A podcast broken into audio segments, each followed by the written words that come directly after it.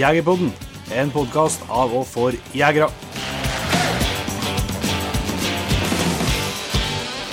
Hjertelig velkommen til en helt ny episode av Jegerpodden. Eh, Jon Inge, ser du over snøkantene? Det, hvis jeg står i andre etasjen på huset, så gjør jeg det. Ja, så vidt. Ja, det. Ja, det er faktisk bare så vidt, ja. Ja. Det snør over store deler av landet, og i hvert fall til oss er det noe besett. Det har ikke akkurat vært optimale forhold for å finne spor. De har vært forholdsvis ferske, de som er funnet i hvert fall. Ja, nei, det Vi syns det begynte å bli en del snø og djuprent til 1. februar.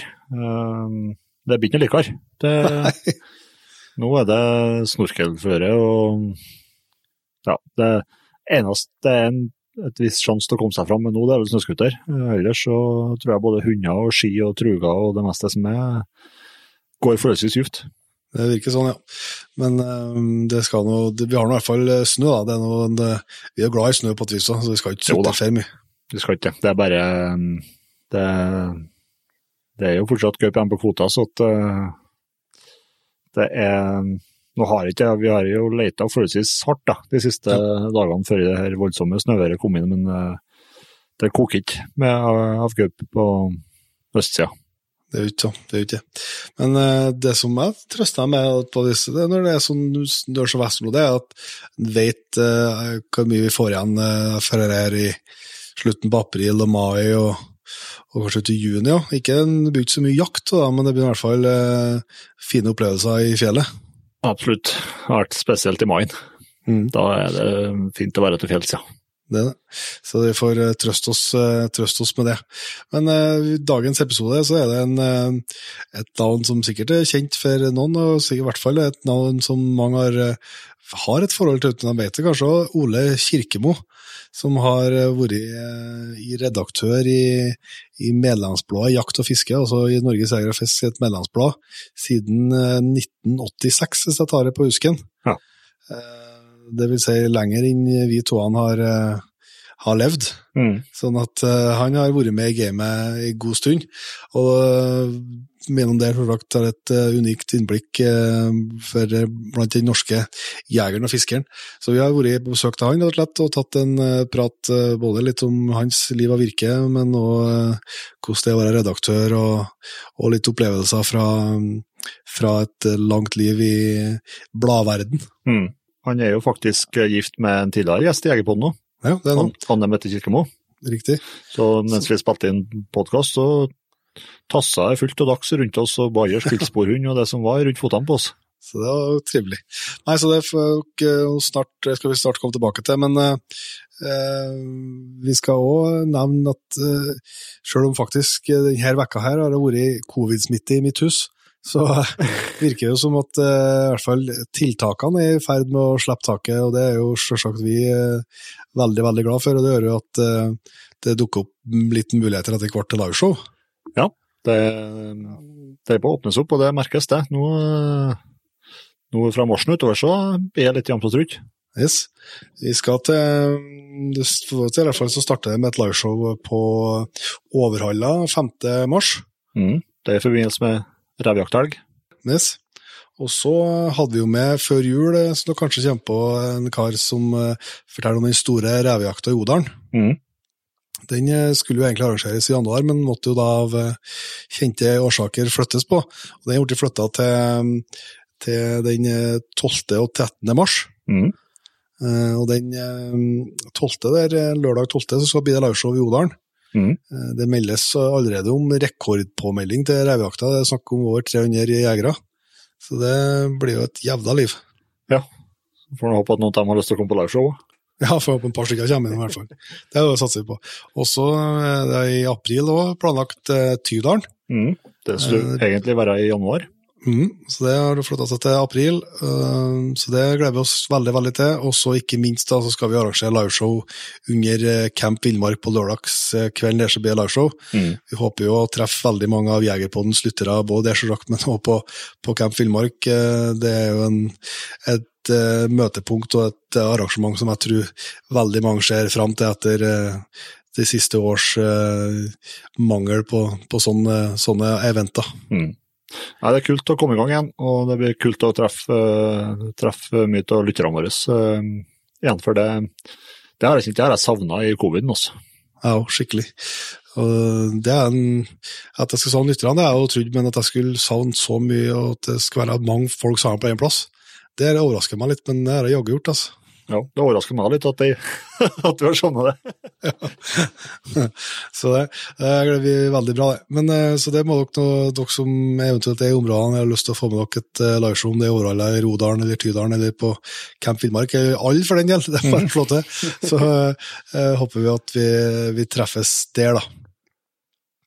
Og Så må vi jo innom, før vi slipper til Nole her, jegertoner, Jon Inge. Det går jo eh, utrolig bra, vil jeg si, blant patriens. Mm.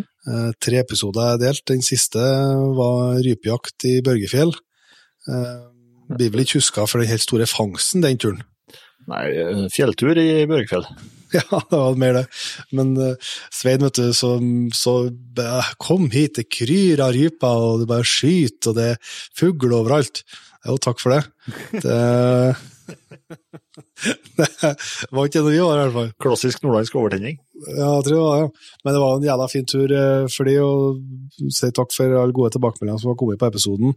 Eh, det som jeg kommer til å huske, eh, to ting jeg tror jeg husker best fra den turen, det er når vi kom inn der For dere som ikke har sett det, så er det litt spoiler, da, men men uh, vi kommer inn der uh, og forventer at Svein skal rigge opp en kjempemiddag til oss. det er jo litt sånn at den som arrangerer turen, nå har ansvaret for middagen.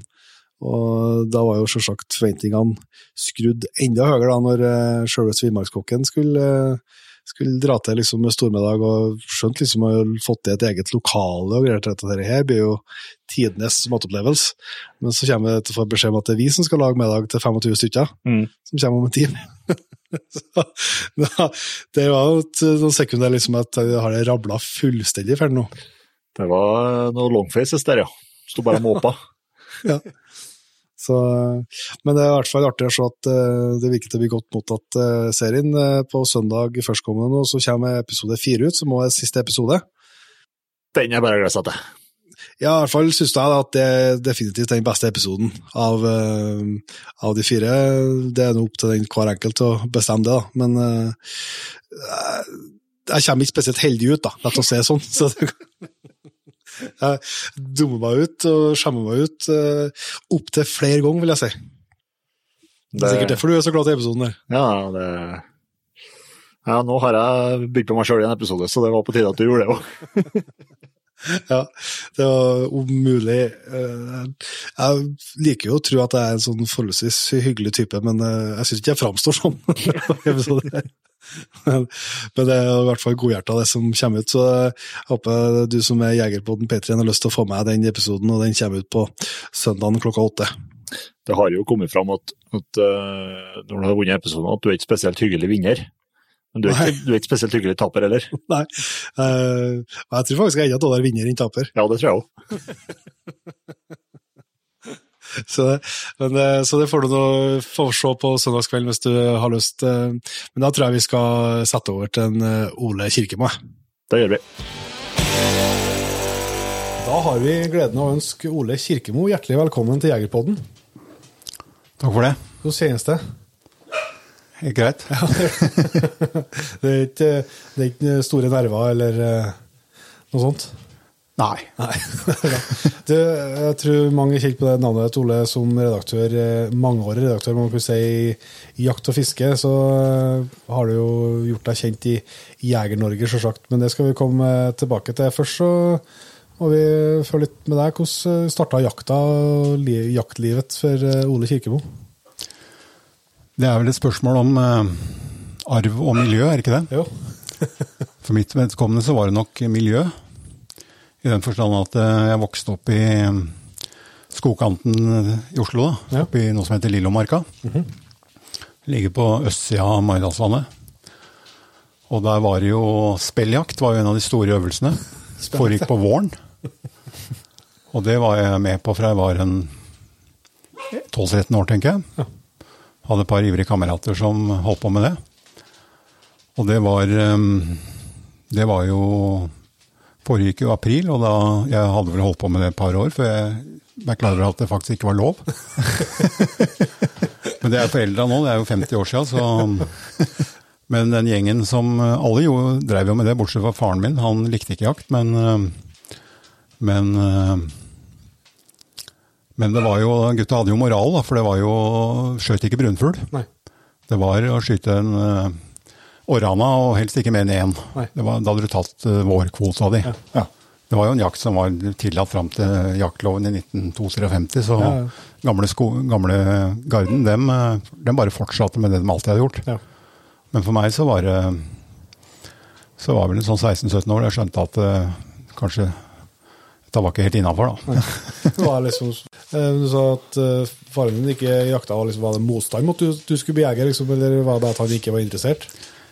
Nei, Det var ikke noe direkte motstand, men han applauderte det heller ikke. Men eh, jeg hadde jo tre onkler som eh, var mer sånn fundamentalistiske at, eh, at de syns ikke De, de, opplev, de postulerte mer sånn at folk som jakta eller skøyt hare og småfugl og sånn, det var litt suspekte folk, da. Så, så han ene var jo såpass ekstrem at han, eh, han var fluefisker. Han snakka egentlig ikke med markfiskere, av prinsipp.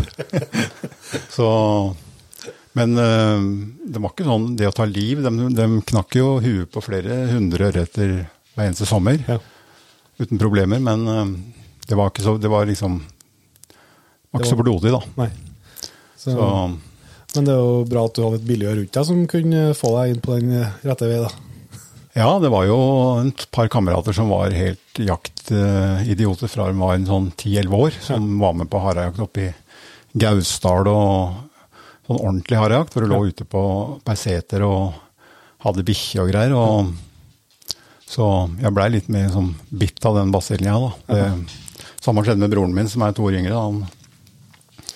Så, men eh, Nei, det der, det er nok miljøet som gjorde at jeg begynte å jakte. Ja. Men var det en sånn uh, spellårhane som var første viltet du fikk sjøl, eller? Det var en sånn aprilhanna, det, ja. Sånn, eh, og så, men når du har skutt den, så var det game over. Da hadde du liksom tatt kvota di, da. Ja. Og så, hadde, så kunne du rå, kunne liksom Grensa gikk på rådyr. Ja. Det var innafor. Men elg, det var aldri snakk om. Skyte elg. Det, det, var for svært og voldsomt. og det var, det var uegna som sånn krypskytterobjekt ja. når du var 14 år. Men uh, et rådyr gikk jo ned i sekken, da. Ja.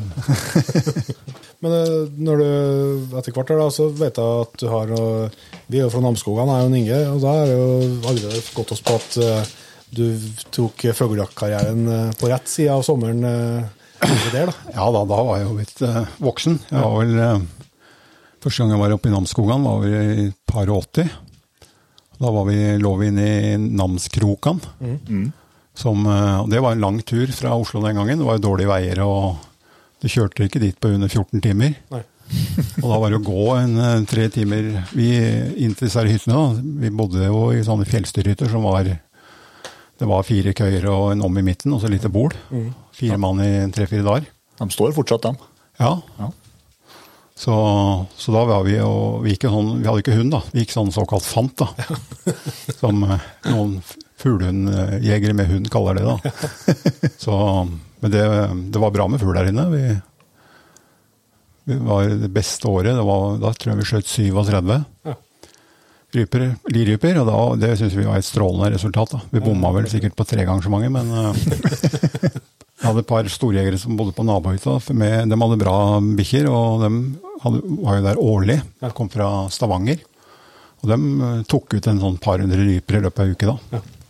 Så det var ganske bra tilgang på Namskan, med andre ord? Ja, det var eh, Vi syntes det var et eventyr. Mm. Og vi hadde jo Jeg husker ikke hvor store stor om, ter, eh, statsanleggene var, men det var snakk om mange hundre tusen mål. da. Mm. Sånn, eh, vi var på den vestsida av E6-en et år, ute i Storfrøningsdalen. Ja. Jeg tror jeg var på 550 000 mål. Mm. Da gikk vi ei uke uten å se et menneske. da. Ja. det var litt sånn Alaska. Ja. Mm. Det er det vel fortsatt? Jo, det er fortsatt store mm. områder og lite folk, så det, det er bra. Ja. Men uh, vi er jo litt sånn, uh, når vi prater med folk og blir kjent, så er vi jo nysgjerrige på, på hva som er i våpenskapet. Det er jo litt sånn må vi jo for å liksom etablere vennskap her. Ja. Det er ikke noen sånn kjempegarderobe, men jeg har um, en uh, Beretta 682 Sporting. Uh -huh. Den har jeg hatt i snart 40 år. Ja. Det har aldri klikka eller vært noe tull med. Nei. Det er sånn, går som en klokke. Og så har jeg vel hva jeg har. Jeg har en uh, par sauer, vel. Sånn en i 6,5 og en i 308. Mm. Mm. Det er ikke noe sånn uh, Det er sånn bra verktøy, liksom. Mm.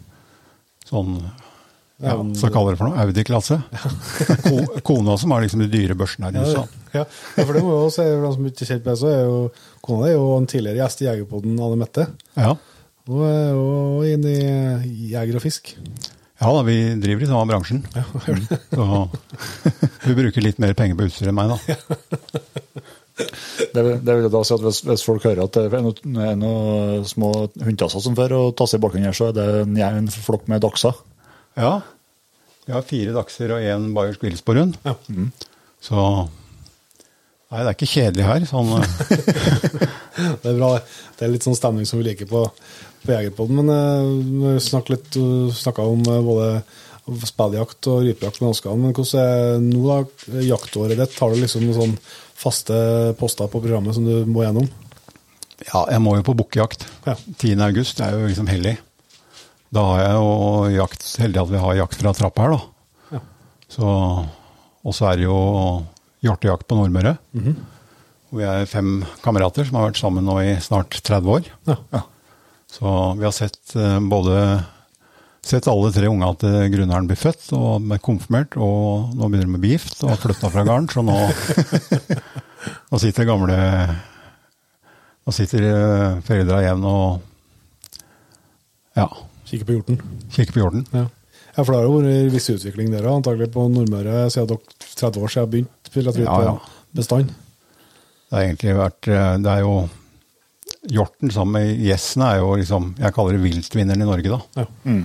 Det er jo sånn godt uh, tigangeren. Sånn uh, Jeg husker på landsbasis da vi begynte i, da oppe i sånn 3-94, så ble vi skutt sånn 12 000-13 000 hjorter. Mm. Jeg husker, og nå i fjor så passerte jo Fellingstallet 50 000. Ja. Så, og Nei, det er men, men i fjor så syns vi faktisk det var Bestanden har faktisk gått, kanskje gått litt tilbake i Tingvoll. I forhold til de beste åra for ja. noen få år siden. Så det, det, kan være litt Ja, ikke godt å si. Mm. Nei, det kan jo være tilfeldigheter over ett ja. et år, sånn, da, men det, det, kan jo være at det er noen plasser det, det må gå litt tilbake òg, da. Ja da. Det, det var, det var en periode på tidlig på 2000-tallet. Da, da, tok jo grunneiere rev i seila, for da begynte det å bli veldig lite store hanner. Ja.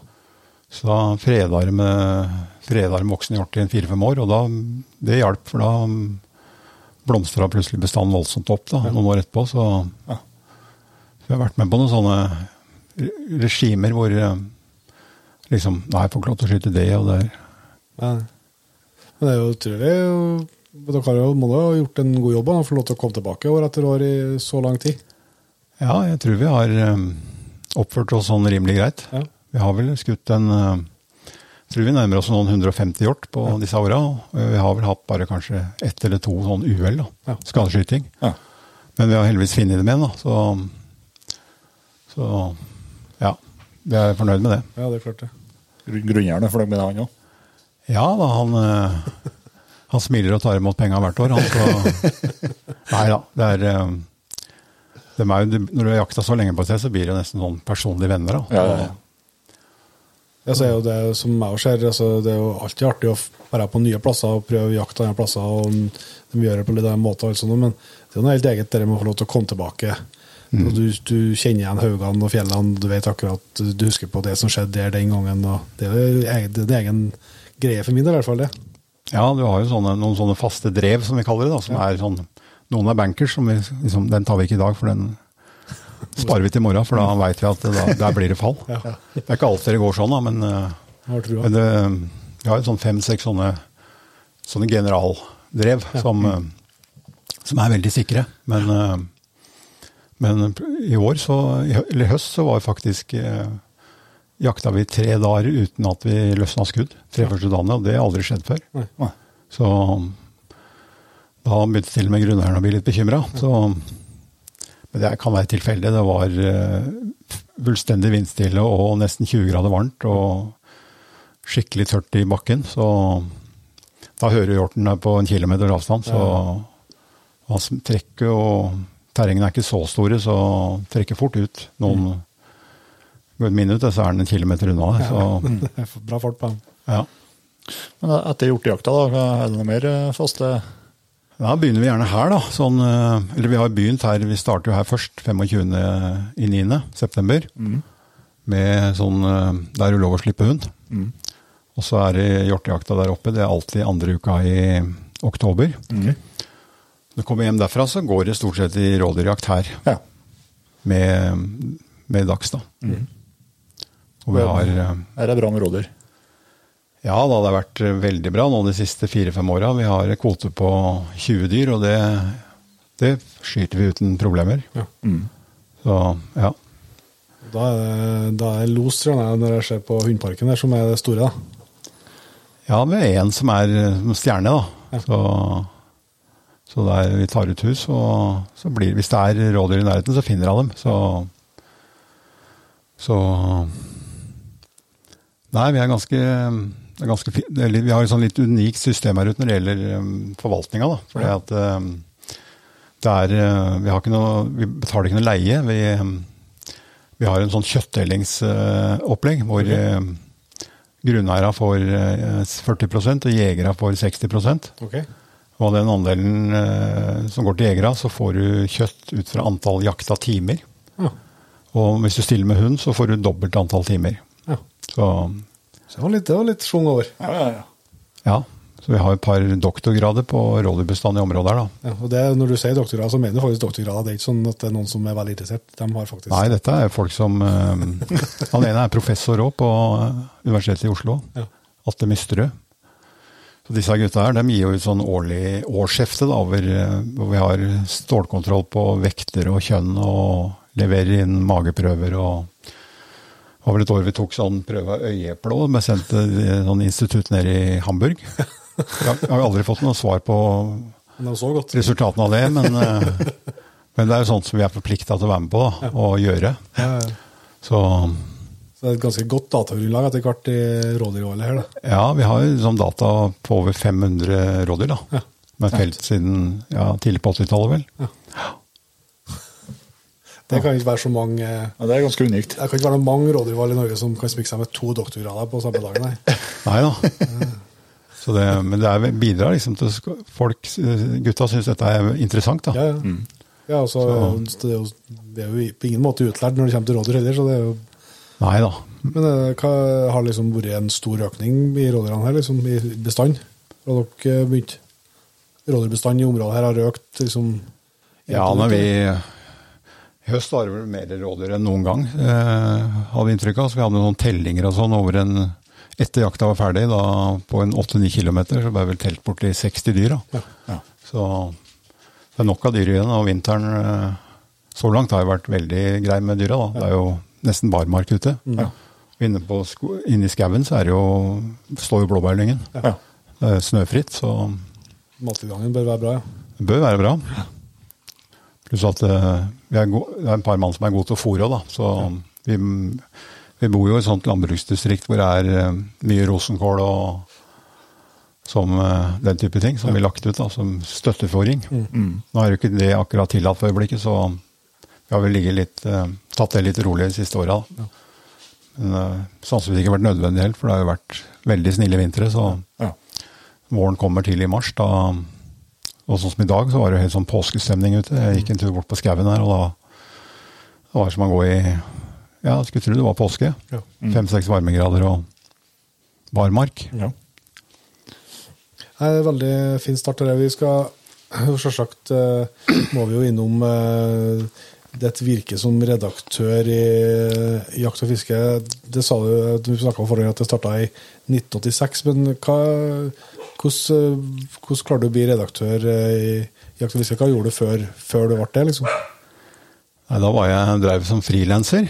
Starta Jeg hadde vel de første historiene mine på trykk i Villmarks, Villmarksliv. Ja. Jeg tror det var i 1980-1981, og da, da ble jeg tatt under vingene av uh, Torbjørn Tufte, da, som var liksom den store helten. Ja. Han, uh, han, ga ut noen fiskebøker sånn fra slutten av ja, 67 kom den første. Og det var, det var, jo skikkelig Jeg husker broren min jeg sloss om hvem som skulle lese den boka først. Jeg fikk jo én sånn tuftebok til jul, og det var årets høydepunkt. da. Han var jo, han var jo Mr. Villmarksliv. Han starta det bladet i 72.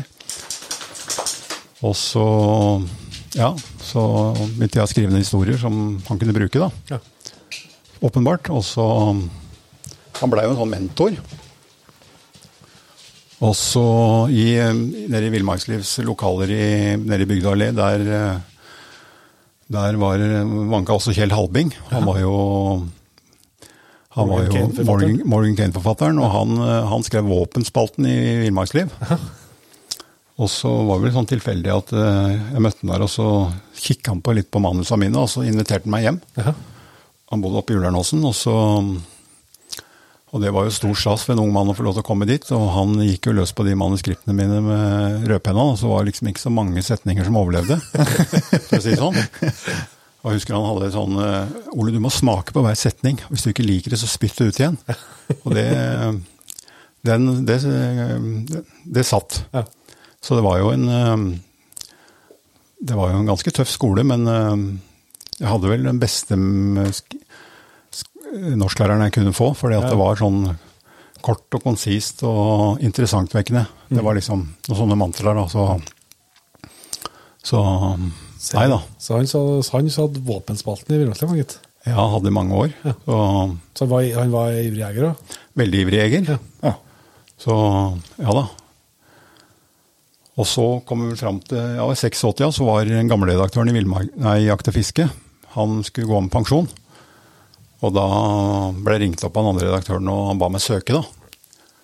Og det gjorde jeg jo, og hadde egentlig ikke noe veldig tro på at jeg skulle få den jobben. For, for det var jo en kar som het Eivind Fossheim, han var da sånn seniorreporter på jakt og fiske friluftsliv i Aftenposten. Aha. Han søkte på jobben og, og fikk den. Men dagen før han skulle tiltre, så ringte han til Jeger og Fisk og sa takka nei, for han syntes lønna var for dårlig. og da ble jeg kontakta. Og mandagen etter så var jeg på plass. Ja, du syns ikke lønna var for dårlig? det var jo Du må jo ha litt flaks. Ja, Fra 86 og fram til i dag, altså det har vært ikke bare i det er fortsatt et medlemsblad, Jakt og fiske, for Norges Jeger- og Fiskerforbund, men, men det har vært enorm utvikling, bare den teknologiske utviklinga. Fra, du begynte Det var vel ikke mye PC og spor på kontoret da? Nei, vi hadde Brodder skrivemaskiner, husker jeg. Og da, så hadde vi jo da korrekturlakk, sånn hvit som du duppa ned i en sånn lita flaske. Og så pensla du over den streken som, eh, den setningen som du ikke ville ha med, og så måtte du sitte og vente på at dette tørka. Og så måtte du skrive over da med kulepenn. og så var det da klart å bli reinskrevet av sekretæren din, da. Så det var ikke akkurat eh, var veldig strømlinje. Men vi fikk ut bladet en gang nå, så ja, ja, ja, Så det var eh, Nei da, PC-en kom, var jo en revolusjon, så og noe av det første jeg bestemte meg for, det var jo Villmarksliv som var liksom bladet blant oss eh, litt yngre gutta den gangen.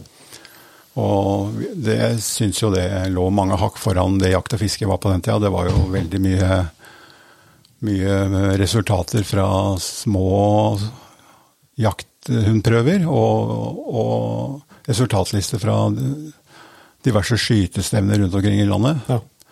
Men eh, jeg fikk han andre redaktøren med på at vi skulle Mål nummer én var at vi skulle bli et bedre reportasje- og nyhetsmagasin enn det Villmarksliv var. Ja. Så det, det, var jo Det var liksom det som var utgangspunktet, og det, det følte jeg at vi greide etter noen år. da. Ja. Så det blei jo et litt annet blad. Ja. Husker du nå hvor mange, hvor mange ja, opplag, hvor mange blad som ble produsert i sånn, slutten av 80-tallet, sammenlignet med nå? da?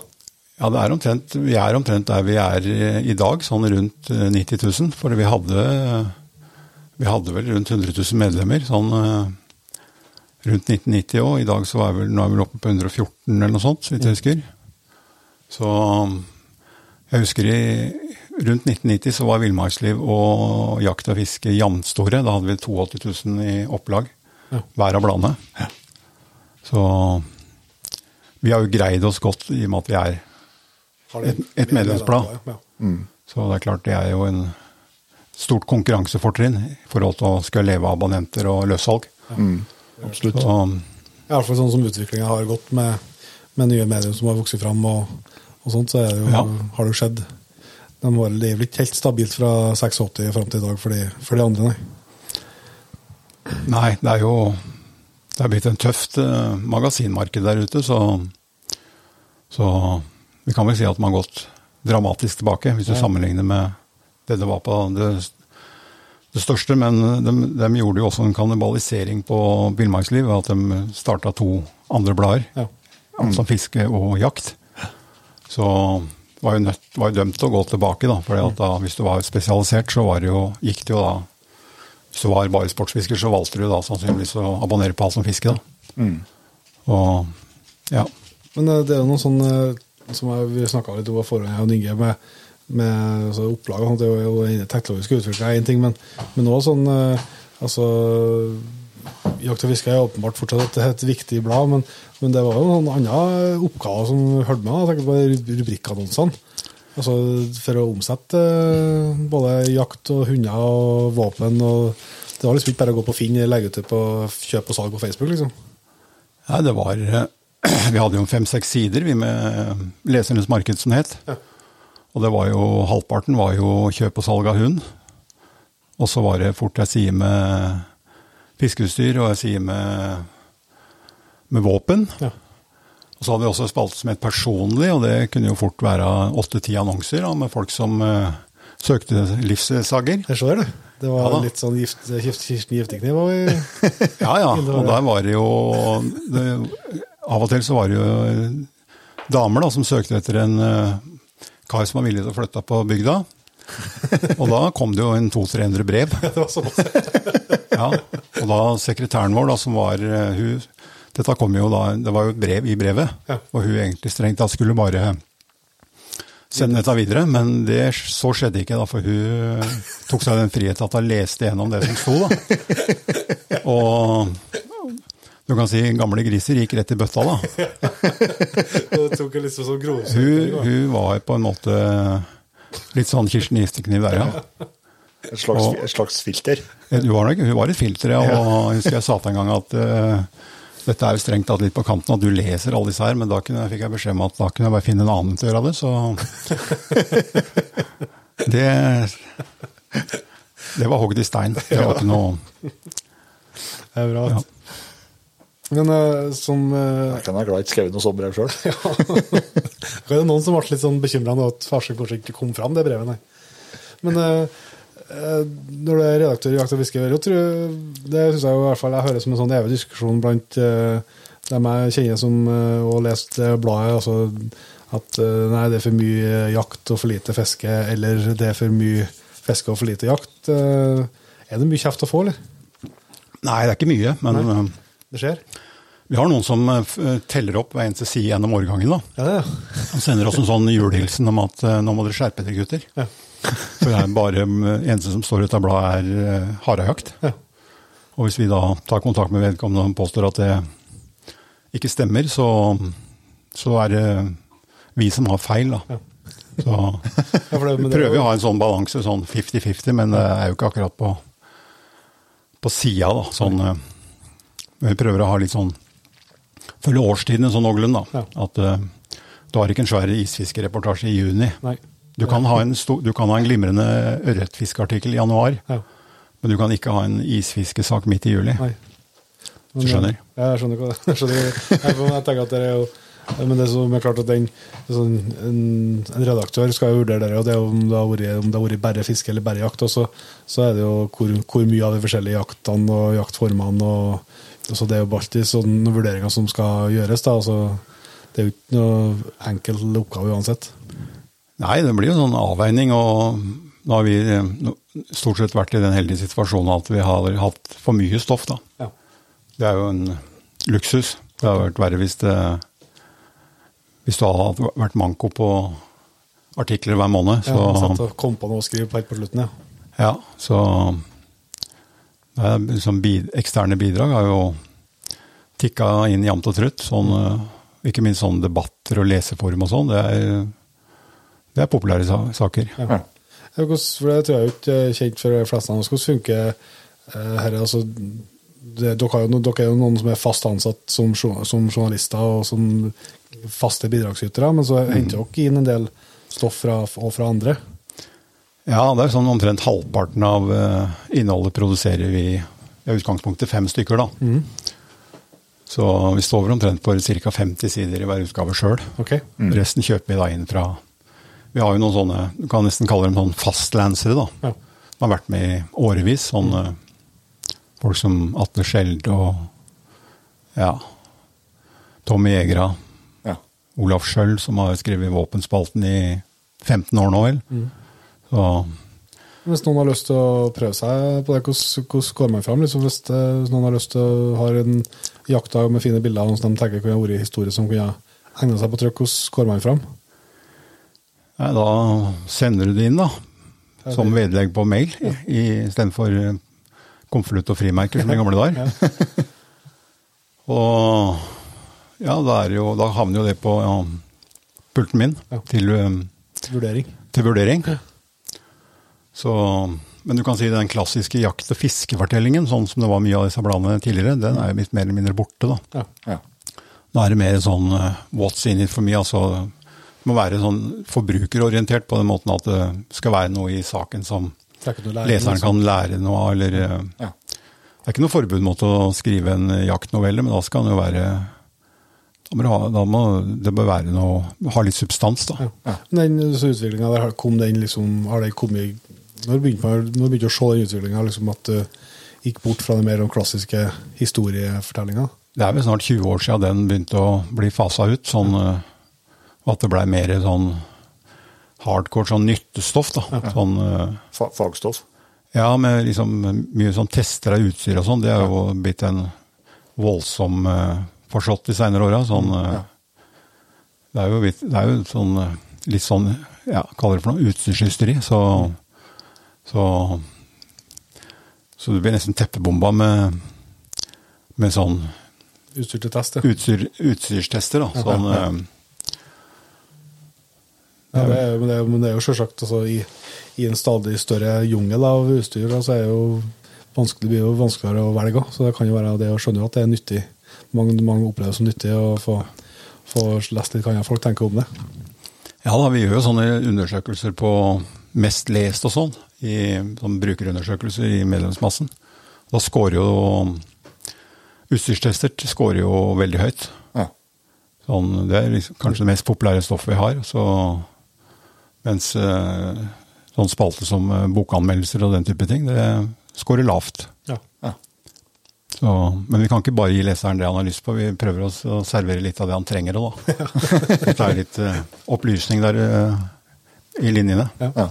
det er jo en ja, det er jo, skjer, skjer dag. Men, men så, tilbake til det å si at eh, du kan sende inn reportasjen. Men, men, du, da, som har eh, skrevet utallige reportasjer fra, altså, i, i, mange, mange, mange hvordan, går du inn i det når bestemmer du på et vis, har du på et vis en overskrift i hodet, og så reiser du ut på jakt etter den overskrifta, eller legger du en, hvordan liksom skjer en sånn, hvordan skaper du en reportasje? Det er litt avhengig av hva du skal på. Hvis du, si, hvis du skal lage en eh, reportasje om en lakseelv, ja. så må du gjøre litt research på forhånd. Vi finner ut hvem er det som er elvas storfisker. Mm. Samle sammen eh, fakta om eh, som du kan kjøre i en sånn såkalt faktaramme om lakseførende lengde, oppgangssykluser, ulike valg, prisnivå, alt det greiene der. Ja. Og så sånn Du må liksom prøve å, du må prøve å ha et case da, sånn på, gjennom at du kanskje prøver Du må leite deg fram til noen som, som kan vassdraget godt, og som kanskje har noe å fortelle deg etter 20-30 år som fisker i en elva. Da. Så, mm. så, hjelper det selvfølgelig at, at, det kommer noe på land, hvis du er der og skal bli sånn, kan bli litt sånn tamp med en jakt- og fiskereportasje uten at det blir noe fangst. Ja. ja, for, det er liksom, vi, er, vi, kjenner jo igjen det fra da vi har prøvd å filme jakt, og sånn, så er jo oppleves det som veldig viktig liksom det å få den fangsten og ha det på film. Men, men det blir jo selvsagt litt det samme i en reportasje. Selv om, du, selv om, det er lett for meg å tenke at du kan jo skrive en reportasje noe hvordan du vil uansett. Du kan få den spennende, eller mm. sånn, men det, er klart det skal jo følge med bilder. og det skal jo, Historien skal jo stå seg på vis. Ja da, men historien kan være like god uten at det ligger, en, uh, ligger et dødt dyr eller en uh en daud fisk på elvebredden. Mm. Mm. Det handler jo litt om hvordan du greier å formidle det du har uh, det du har sanka inn av opplysninger. da. Ja. Det er iallfall uh, ta mye notater mm. ute når du sitter og snakker med folk. Det er, det er noe jeg har vært uh, stressa opp gjennom alle åra. At du må prøve, prøve å høre godt etter hva folk sier, og ja. hva de ikke sier. Ja. Mm. Og ja, rett og slett må være nysgjerrig, da. Mm. Så noen bruker litt lang tid på å bli varme i trøya. De skal kanskje først dag to at de kanskje begynner å by litt på seg sjøl og forteller noe mm. som du kanskje kan bruke til noe. Da. Så det er forskjeller der, ja. På det fins ikke noen sånn fasit på egentlig på hvordan skrive en god reportasje. Sånn, altså en, en, som er god til å skrive, kan skrive om hva som helst. Mm. mm. Det var sånn mer jakt og fiske eller i, i, magasinene før, sånn som det var i avisene, at det var en journalist og en fotograf. Som nå er blitt samme person, liksom. Ja, nå er det jo blitt sånn du skal jo egentlig, det er blitt sånn, Journalisten er jo blitt sånn multikunstner. Du skal kunne gjøre et radiointervju og skal gjøre et TV-opptak og ja. skal lage noe til Facebook. og ja, altså I Pressens glansdager så var jo en, en uh, journalist han uh, han drømte jo ikke engang om å ta i et kamera. Det var under hans verdighet. Ja. Så, ja, men det var sånn i gamle Ja, i alle store avisene og ja, selv nede i sånne regionsaviser så var rykka journalisten ut med en fotograf på slep. Så Det er jo litt endring på det? Ja. Det var jo Kan ikke sammenlignes. Nei.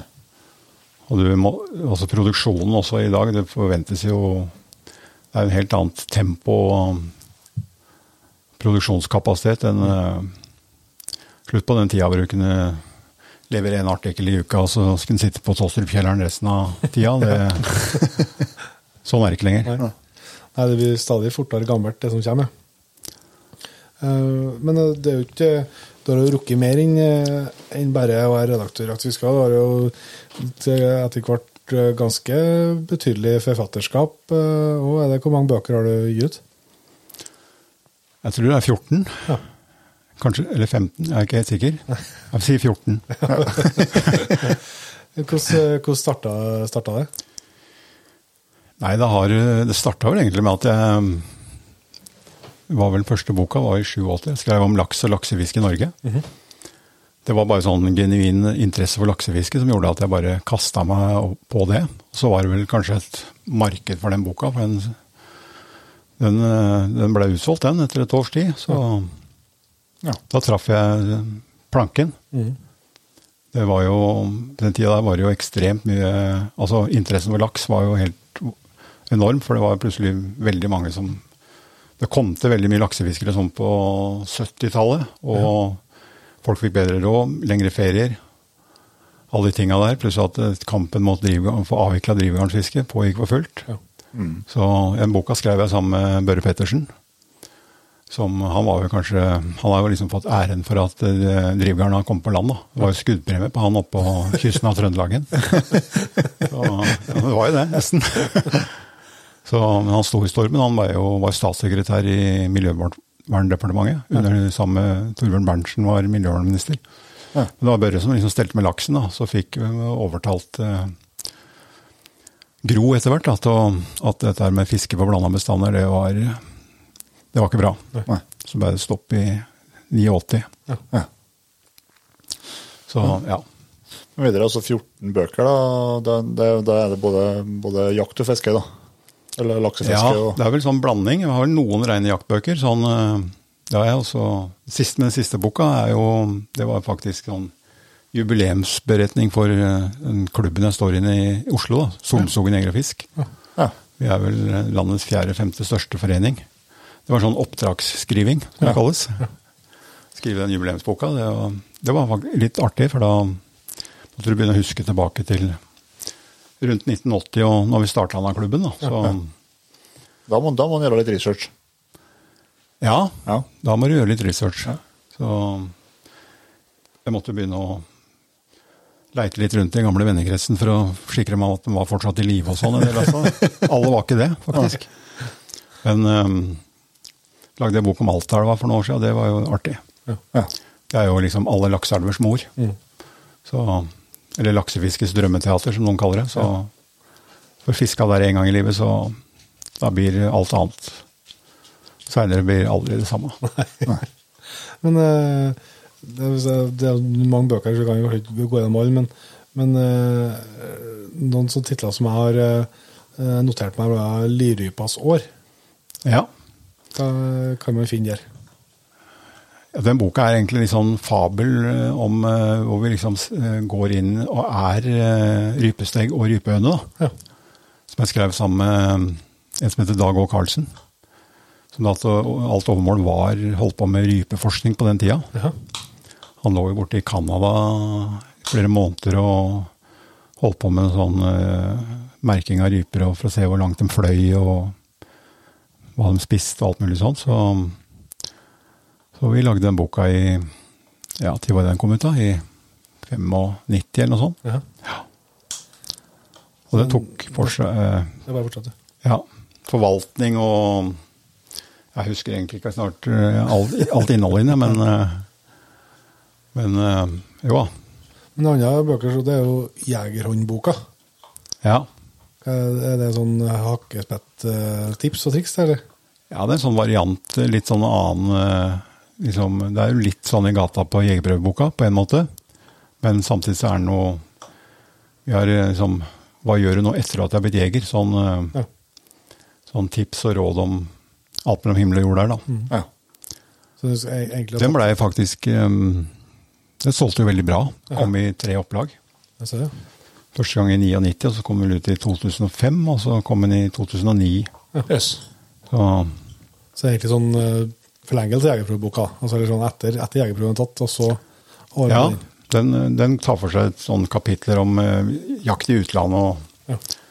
sånn som ikke kommer så mye inn på i selve jegerprøveboka, da. Mm, ja. Som er sånn Den er mer sånn ABC for jegerprøve, ABC for uh, Førerprøven, er det vel det heter? Ja, ja men det, det, er jo det, er en god idé. for det er jo, Vi har jo snakka om det i mange tilfeller. altså det ene ting er jo, Som oss som er født og oppvokst med jakt, så, så, får du jo mye av den kunnskapen den tause kunnskapen liksom, som en del av oppveksten, at du har vært med på jakt og, og sånn. Men uh, hvis du ikke, ikke, har det nettverket rundt deg, så jo, har du i hvert fall et utgangspunkt. Da.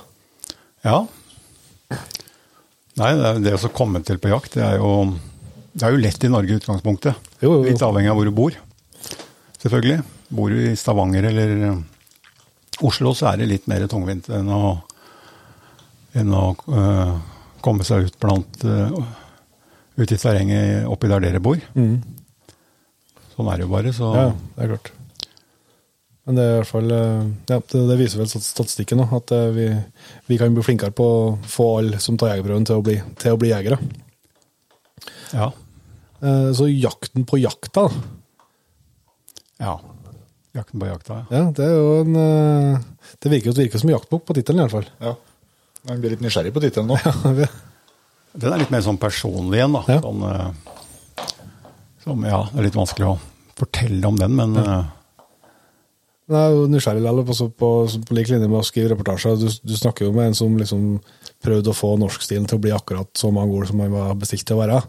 Så, så det er jo et bokprosjekt. Liksom, hvor, hvor, mye av eh, boka hvor, hvor, mye av boka vet du om før du begynner å skrive? Skjønner du meg? Eller hvor, mye, hvor, hvor, hvor starter man sånn, det er jo et planverk før man begynner å skrive? Nei, du bør jo du bør ha et lite konsept da, på, ja. på hva, hva han skal romme og, og, favne, og kanskje hva du ikke bør ha med. Ja. Sånn, men eh, det er litt sånn veien blir til mens du går. Mm. Uh, under marsjen så kommer du på at ja, jeg må ha med noe om det. Sånn, uh, akkurat nå så holder jeg på Jeg driver med prosjekt som heter uh, Villaksens historie. Mm -hmm. Eller laksefiskets historie, unnskyld. Og det er jo liksom lakse, mange laksefiske det, det, er mange som begynner bare med fisk, fiske i elv, men det er jo vel så, vært vel så viktig i fjordene, mm. sånn i forhold til bosetning og alt mulig sånn, gjennom flere hundre år. Ja. Så mens du holder på med den, så, så får du ideer på at du kanskje vil ha med litt av det, og kanskje kutte litt mer av det. Så det er ikke noe sånn Du har ikke boka ferdig i hodet, og så bare skriver du ut? Liksom. Nei, det er, um, det er hvis, du, hvis, du, skriver en kriminalroman, så må du kanskje ha en viss idé om hvordan dette skal ende. Ja. Men uh, i en sånn bok som, uh, som, er mer sånn litt sånn historie, og hvor jeg også bruker meg sjøl litt med ting jeg opplevde under marsjen, da. Mm. Det skriver det inn så det blir litt sånn, en liten sånn miks mellom skjønnlitteratur og saksprosa. Ja. Det kan funke. Håper jeg. Ja, ja, det, ja. men det, vi snakka om det før vi trykket på knappen vi ta opp her. Altså det, det, er, jo ikke bare magasinbransjen som har endra seg. altså med bøker. Når du begynte å skrive, så var det ganske bra drahjelp av store sånn, bokklubber og, og sånn som gjorde det markedet mer tilgjengelig. Ja, du kan si i gullalderen, sånn på gjennom, egentlig gjennom 90-tallet, da så var det jo bokklubben Villmarksliv, og så var det jo bokklubben eh, Jakt Fiske, som han het, i Landbruksforlaget. Mm. De hadde jo Jeg tror bokklubben Villmarksliv hadde oppi 50 000 medlemmer, ja. ja. På det meste. Så hvis du fikk ut en bok der som eh, Så solgte jo den fort til 7 8 10 000. Ja. Så da var det jo interessant både for forfatteren og ikke minst for forlaget. Mm. Det er dem som stikker av gårde med mesteparten av penga. Eh, du får jo noe som kalles royalty som forfatter, og det er jo i beste fall en sånn 15% for eh, ja. som skjønnlitterær forfatter. Og saksprosa er jo 12 ja. så, og i bokklubb er det 9. Ja. så,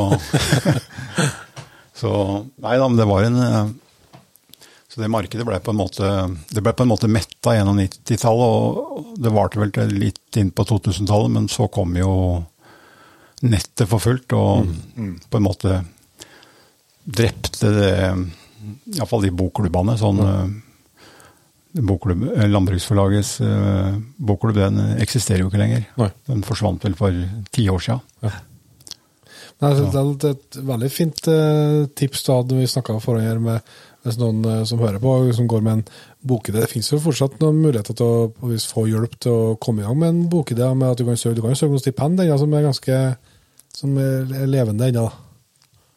Ja, det er, det er um, egentlig noen strålende um, stipendordninger vi har her i landet. Gjennom, um, gjennom noe som heter Fritt Ord. Og så er det jo den til, til stipendordningen til Norsk faglitterær. De deler jo ut en 60-70 millioner kroner hver seg hvert mhm. år. Og det er jo, det er jo ja, jeg vil si, du, du, du, må jo skrive en god prosjektsøknad. Og, og helst ha en um, intensjonsavtale med et uh, forlag på at de er interessert i å faktisk gi ut dette her. Hvis du da greier å skrive en um, bra søknad, så er um, I fjor så var det vel en 12, hvis jeg ikke husker helt feil, en 1200-1300 søkere og ca. 500 som fikk stipend. Mm. Da får du x antall måneder av en sånn, ut fra regna ut fra en sånn gjennomsnittlig norsk månedslønn, ja. som er sånn rundt 30 000 kroner. Og hvis du da får stipend på fem måneder, så da får, jo, får du litt arbeidsro, da, for å si det sånn. Mm. Så, ja, det, det, er jo bra, så, spesielt for oss eh, som driver på det med, med jakt. Altså, som er, vi tenker at det er mange som driver med det, men det er jo forholdsvis smalt liksom, i et sånt uh, marked som uh, vi snakker om her. Så det er jo bra at det finnes noen ordninger som i hvert fall gjør det mulig å skape et krevende innhold da, for dem som er interessert i det. Ja, nei, altså markedet er jo det er, li, det er jo beskjedent ja. i forhold til man opererer f.eks. med ja, For 20 år siden snakka man om 100 000 laksefiskere. Ja. Nå er det justert ned til 60-70. Mm. Så det har jo blitt færre av oss, ja. sånn sett. Og det er klart 70 eh, 000 av Norges befolkning på 6 millioner, så, så er jo det er et lite marked. Ja. Så. Men det er jo det er bra at det finnes noen ordninger som gjør det, gjør det litt mer mulig uansett. da. Eh, jeg tenkte vi, vi skulle også snakke litt eh, om eh, Jeg skjønner jo at uh, når man har vært redaktør i Jakt og fiske, så får man, jo for meg jo komme litt ut på forskjellige spennende jakt. Du har vært litt i utlandet og jakta? Ja, jeg har vel vært i en del land sånn uh, Blitt anledning til det, ja. ja. Sånn, Vi ser jo det litt på veggene her òg. Ja. Mye av det er jo ikke i jobbsammenheng, men det er jo private jaktreiser. da. Ja. Man, jeg har vært i sørlig Afrika, jeg har vært i egentlig de fleste land i Europa. Ja. Vakta villsvin i, i, Tunis, i, nedi, i, ja. faktisk i Sahara-ørkenen. Ja. Det var litt spesielt i, i april måned. vi var jo utrusta som vi skulle på norsk jakt med jaktstøvler og Der var jo 30 varmegrader. Ja. Og Tråkk de stillongs? Nei, men det var en artig jakt. sånn Uh, villsvinjakta der. sånn Veldig annerledes han er i Det var ikke noen skoger, det var bare noen store blant svære sanddyner. sanddyner og Hvis jeg har vært noen turer i Polen, jeg har vært eh, i Skottland en god del. Ja. Jeg har en god kamerat der borte som Han er med meg og fisker laks her i Norge, så har jeg vært og jakta en del ja. råbukk hos han da, på, på våren. da. Ja, ja. Det er jo Alle land i Europa unntatt Norge har jo vårjakt. Mm. Av en eller annen merkelig grunn. Vi burde jo hatt det. Isteden så Isteden så skyter vi eh, råbukken i høybrunsten. Ja. Så vi får aldri få begynt eh, tidlig nok. Da jeg begynte å jakte råbukk, så, så, var jaktstarten 1.9. som så ble den flytta fram til noen år etterpå, etter 21.8. som den flytta til 16.8. Ja. Og i dag er det 10.8. Og det er fortsatt eh, jegere som syns det er for seint. Ja. mens det er med Danmark, jo, de jakter jo rådyr fra 16. mai til 14. juli. Og så har de pause fram til 1. oktober. Ja. Jeg syns det er, hadde vært noe å kikke nærmere på. Ja, ja. Mest det lokkejakta litt, da. Ja, det, det gjør du. Men du, Tunis, da.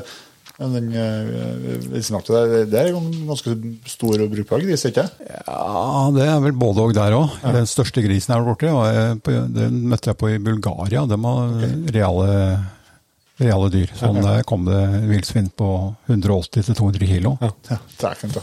ja. De kan jo bli borti over 300 kilo nede i Karpatene og sånn. Så.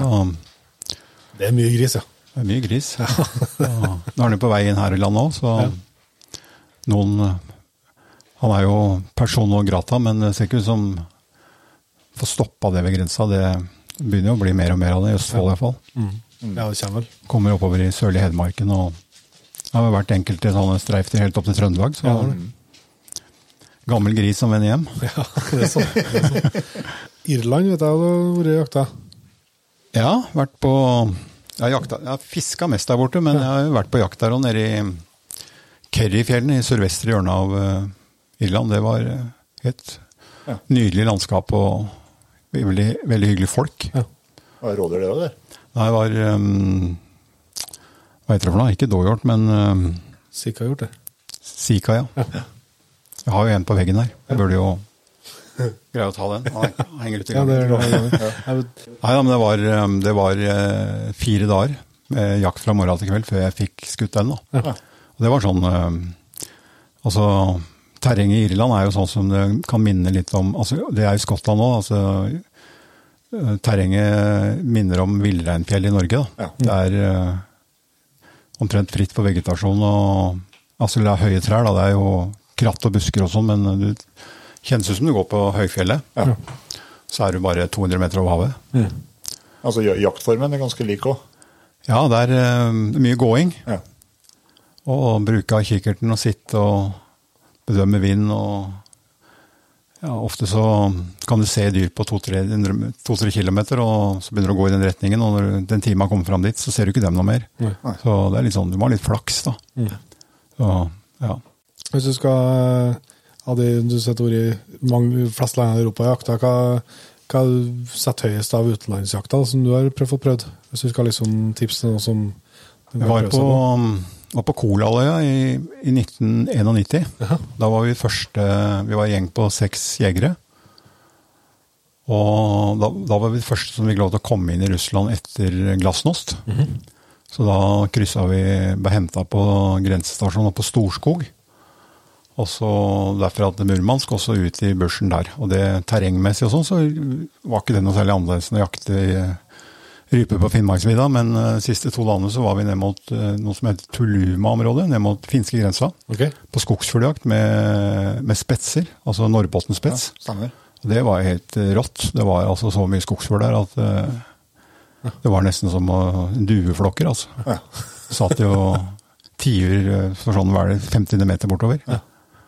Og det var liv på Norrbotten-spetsen òg, da? Ja, ja, den var jo Det var helt rå hunder å se dem i aksjon, altså. Ja. Mm. Altså, det var flott jakt. Ja, Det skjønner jeg måtte være opplevelse for livet. Men det, Ole, det henger nå, i hvert fall fra der jeg har sett nå, så ser jeg nå i hvert fall tre utstoppa trofeer på ute i stua her, da. Ja. Det, Skal vi prate om trofeer? Ja, ja vil du det?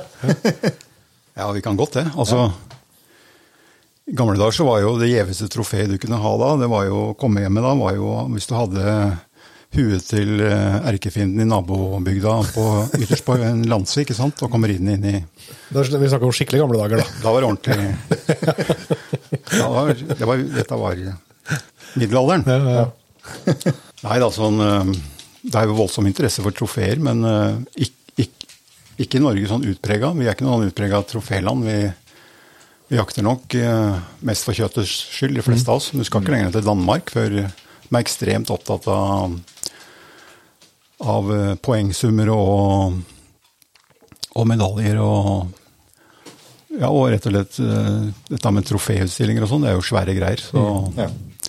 Og de, jo, de, lager seg jo masse Engel, Engelskmenn er litt av det samme. De har jo, engelskmenn har noe de kaller for McNab. Ja. Det betyr at du må i løpet av en dag så må du skyte en kronhjort. Du må fange en laks. Og du må skyte ei rype. På samme, samme, døgnet? På samme døgnet. Det anbefales å starte med laksen. Ja.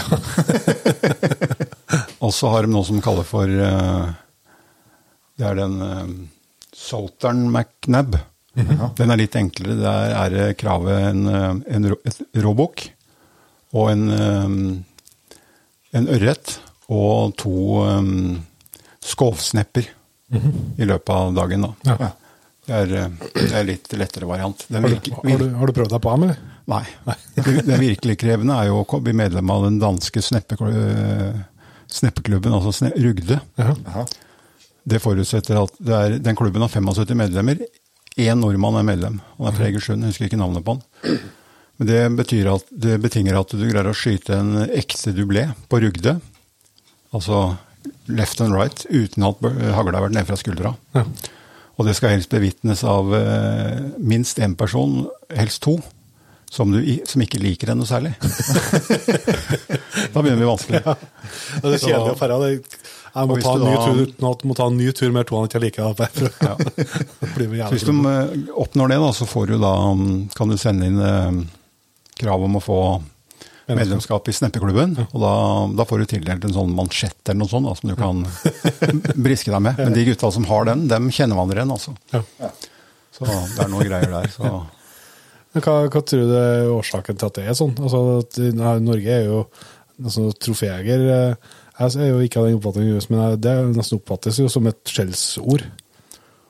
Ja, det ja, er det egentlig det? Sånne skjellsord? Nei, sånn, men altså, det er i hvert fall at det ja, litt Hvis det er sånn, de fleste tenker på troféjakt, så tenker de jo sannsynligvis på jakt på store rovdyr i sørlige Afrika, løve og den mm. type ting. Og, men eh, det, kan si dette at man, man eh, har sørga for at, eh, at å få dette i et sånt system gjennom CIC med, med poenglister på vekter og alt dette her er jo selvfølgelig for å kapitalisere jakta. Mm. Skal du skyte en uh, gullbukk i Ungarn f.eks., på råbukk, så er du fort oppe i 50 000 kroner. Mm. Ja. Og selv på Ytterøy i Nord-Trøndelag så er det jo gullbukk der koster jo vet ikke, 20 000, 25 000. Mm. Og det er jo folk som er villige til å betale, da. Ja. Så, jeg har liksom tenkt eh, liksom litt på men det, men det er klart at det er jo nå er jo den, eh, Heldigvis så vil jo jeg og mange sikkert være enig med meg i at jakta i Norge er jo en folke, folkeaktivitet. Altså, det, er jo ikke, det, er jo ikke en, det er ikke bare en overklasse som det er mange plasser i Europa. I hvert fall så ser du jo at det er en, en, et, et, lag av befolkninga som, som får, har muligheten i stort, i hvert fall.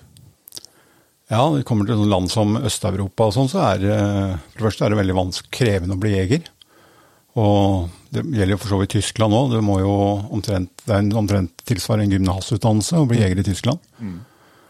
I Polen, hvis du har blitt, der må du gå som sånn, som sånn visegutt, nærmest. i første åra du er med. Du passer hund, og du rydder opp på hytta. og Du får ikke lov til å bære våpen sånn uten videre. Så, så det er jo mye trangere nåløye enn der i, I Norge. I Norge. Mm. Det er jo ikke bare Norge. Sverige er også et jo, greit land å bli. Ja. Finland. Mm. Skal, men når det kommer til Danmark, så er det straks eh, sitter det lenger inne. Mm. Eh, det handler jo selvfølgelig om tilgjengelighet, og mesteparten av det landet er jo kultivert, i motsetning til den villmarka vi har fortsatt ganske mye av. da. Mm. Eh, men det er også interessant. Eh, du har jo da både vært jeger, men også fulgt jegerne tetta gjennom mange mange år som, som, redaktør og skribent. Hvordan, vi skjønner jo på at det har skjedd stor, stor utvikling med oss jegere, med at det har kommet GPS-er og teknologi og sånn tilgjengelig.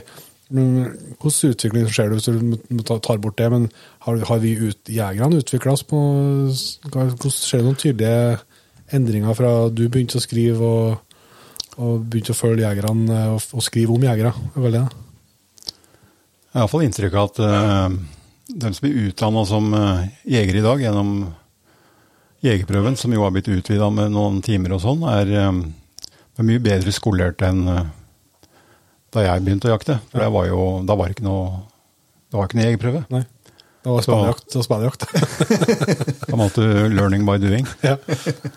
Så nei da, jeg tror eh, det, norske jegerstand jeg vil påstå han er bedre enn noen gang. Mm. Sånn i forhold til sikkerhet og, og skyteferdigheter. Det trenes jo sannsynligvis mye mer enn det gjorde Tidligere så var det litt sånn at eh, var du, bare du var gammel nok, så var du jo dømt til å være god. Mm. Ja, ja. Jeg har jakta sammen med folk som aldri har vært på en jegertrapphane, for de skyter seg form i løpet av høsten. Ja. Er det, ganske, det er ganske godt gjort hvis du løsner ett skudd, eller to. ja, altså, altså, I hvert fall på en del av storviltjakta, på elg og, og noe, så har jeg tenkt på det, det er jo artig, artig å liksom, se tilbake og lese gamle historier om de gamle jegerne, men, men samtidig, vi som driver mye med det nå. Vi har jo, det er jo rart om ikke vi blir flinkere jegere, for at vi har jo så mye lengre tid å jakte på.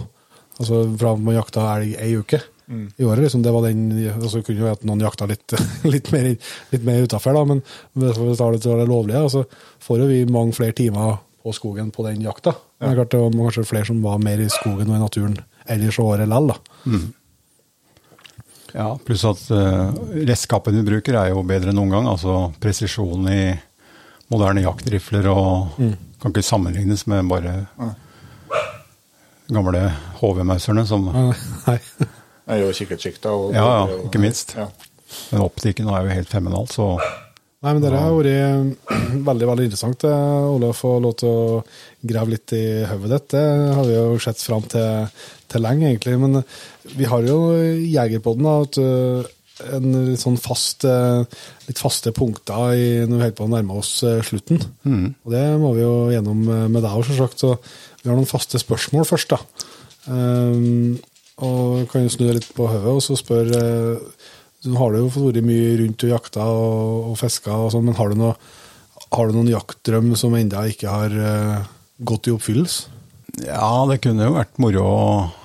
Jeg har alltid hatt en liten drøm om å komme bort til vestkysten av Canada eller i Alaska på Ikke nødvendigvis for å skyte en sånn gigantisk elg eller noe sånt, men bare oppleve naturen der. Ja. Villmarka? Villmarka, ja. Mm. Det hadde vært moro. Står høyt på lista. Hva? Det står høyt på lista, ja.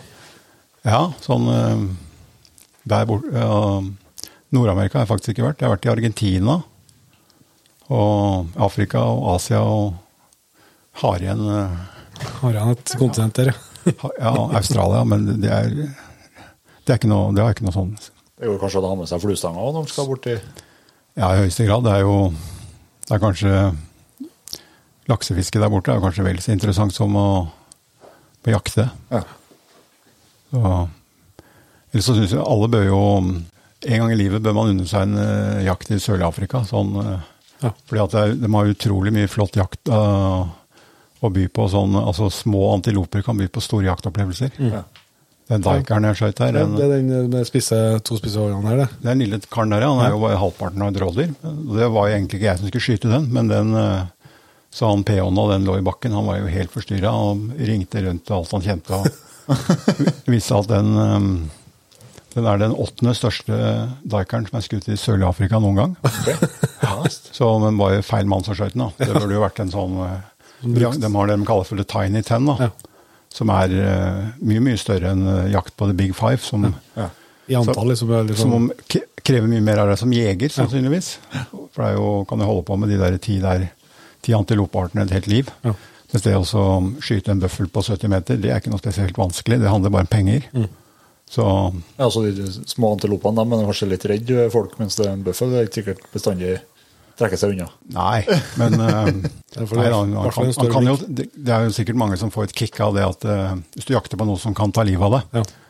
så er det en, uh, gjør det den jakta til noe spesielt. Ja. spesielt. Mm. Men jeg ser ikke det som noe Altså, jeg vil si det er, det er, mye vanskeligere å få inn en 10 kilos laks på flue. Mer krevende det. Enn å skyte en bøffel på 70-80 meter som står stille med breisida til. Ja. Mm. Ja, så, og, laks på 10 kilo virker helt umulig. så det går, Du går jo der nede med Du har jo mer en sånn PH, som det kalles, en professional hunter. Mm.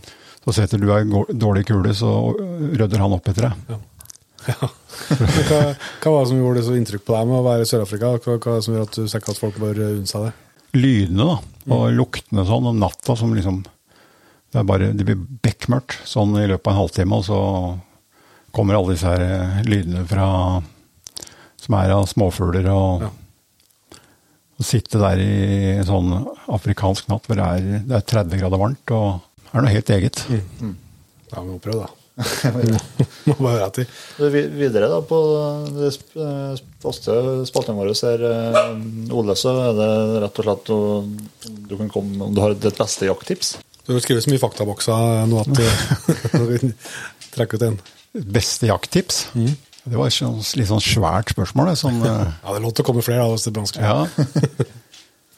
Nei, det spørs jo liksom hva er målet ditt, da. Sånn eh, Sånn, eh, blir litt sånn jakten på jakta. Hva, hvorfor driver du med dette her? Og det, er sånn, det, det spørsmålet skal man stille seg av og til, tror jeg. Sånn, mm -hmm. og, men eh, jakttips sånn i forhold til å Det er jo liksom Tålmodighet er jo kanskje Det er liksom dyd nummer én, tror jeg, da. Mm. Enten du sitter i jordekanten her nede og skal jakte due, eller, eller eh, gå på villreinfjellet, eller sånn, så hvis du ikke har en sånn grunnleggende forståelse av at dette, dette tar tid, og, og, det er vanskelig, det skal være vanskelig, mm. ellers er det jo ikke jakt. Veldig bra. Og så øh, dere som tester som utstyr, da. Har du noen utstyrstips øh, som du bruker, en utstyr som du er ekstra glad i sjøl, som du kan øh, ikke forlate i jakten, eller du fer tilbake og henter hvis du ikke har glemt av? Ja, du, du, kan, du, kan, ikke glemme hagla di hvis du skal i fjellet. det er dårlig, dårlig men, eh, men, jeg må jakte med den Jeg må ha den hagla jeg har hatt i 40 år. Ja.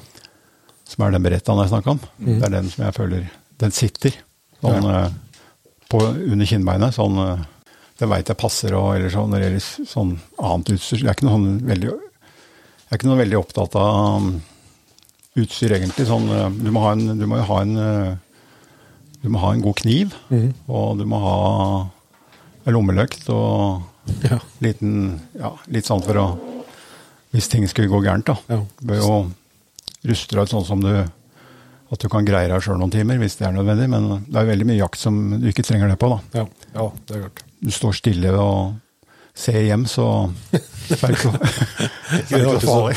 Kunne alltid så berg deg hjem, ja. Det er veldig bra. Og så er det jo sånn at uh, Sjøl om uh, uh, jaktist, uh, Vi er veldig, fortsatt veldig glad i redejakthistoriene. Så mm. her trenger vi ikke tenke på at vi skal ha noe hjelp til sjølhjelp etterpå. Her er det bare å ta en god gammeldags jakthistorie på slutten her, da.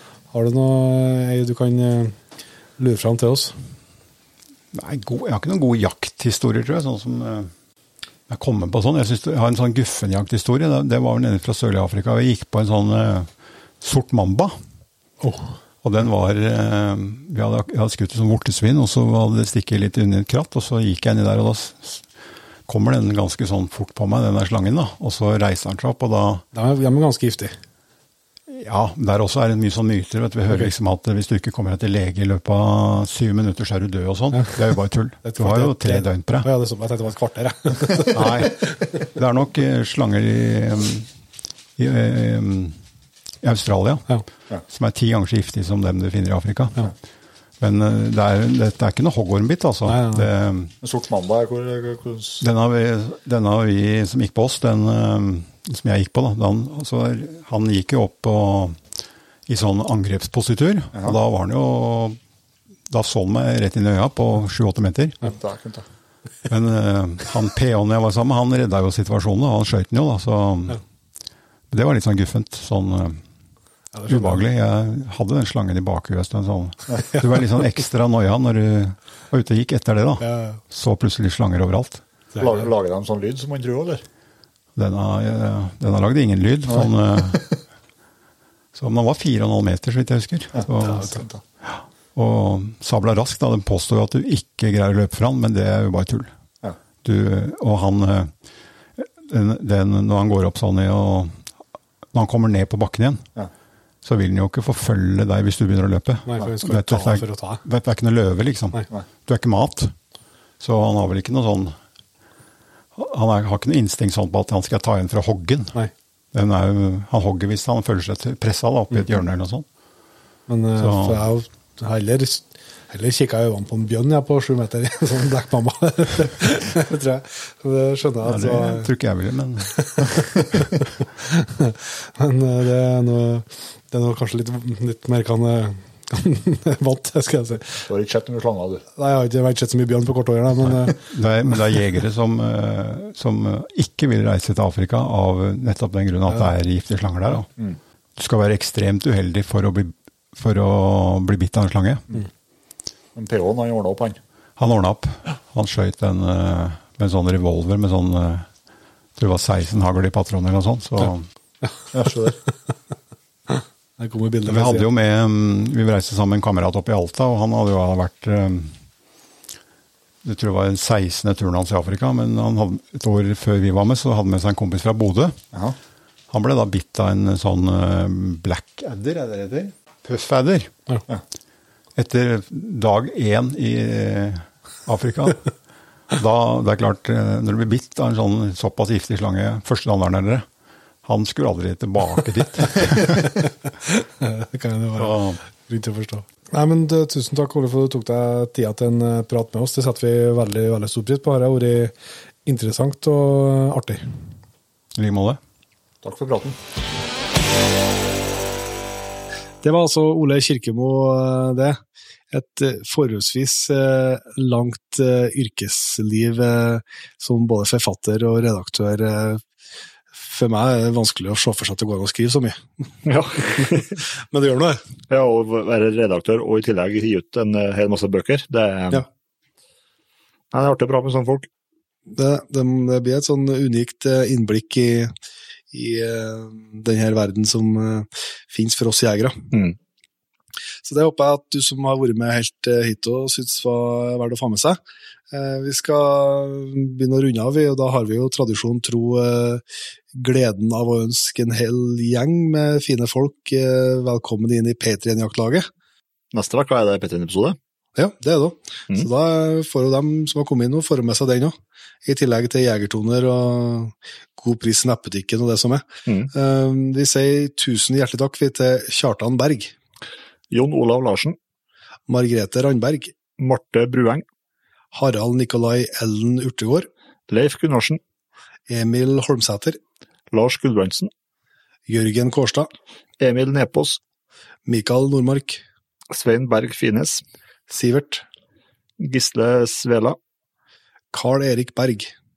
Tonje Bratsvedal. Christer Christoffersen. Hallgeir Goa Myhre. Kenneth Aunli. Thomas. Bendik. Kjell Oddvar Kjørsvik Rune Hansen. Erik Henriksson. Terje. Jonas. Martin Røsrud Graven. Einar Sørøy. Robin Eikeseth. Marius Andersen. Trym Rotnes. Robert Stene. Torbjørn Larsen. Erling Grøtan. Kenneth Felle. Hans Skårholen. Espen Solberg. Og Ken Rune Smidesang. Så tusen hjertelig takk til alle dere, og selvsagt til alle som allerede er med og utgjør det fantastiske P3-jaktlaget vårt, som gjør det mulig for oss å, å lage Jegerpodden og, og, leve det livet vi gjør. Så det setter vi utrolig stor pris på. Minner igjen om at det er P3-episoden neste uke. Hvis ikke du har den med på hjertet, Jon Petter, så Det er vi som bruker til neste gang. Vi høres.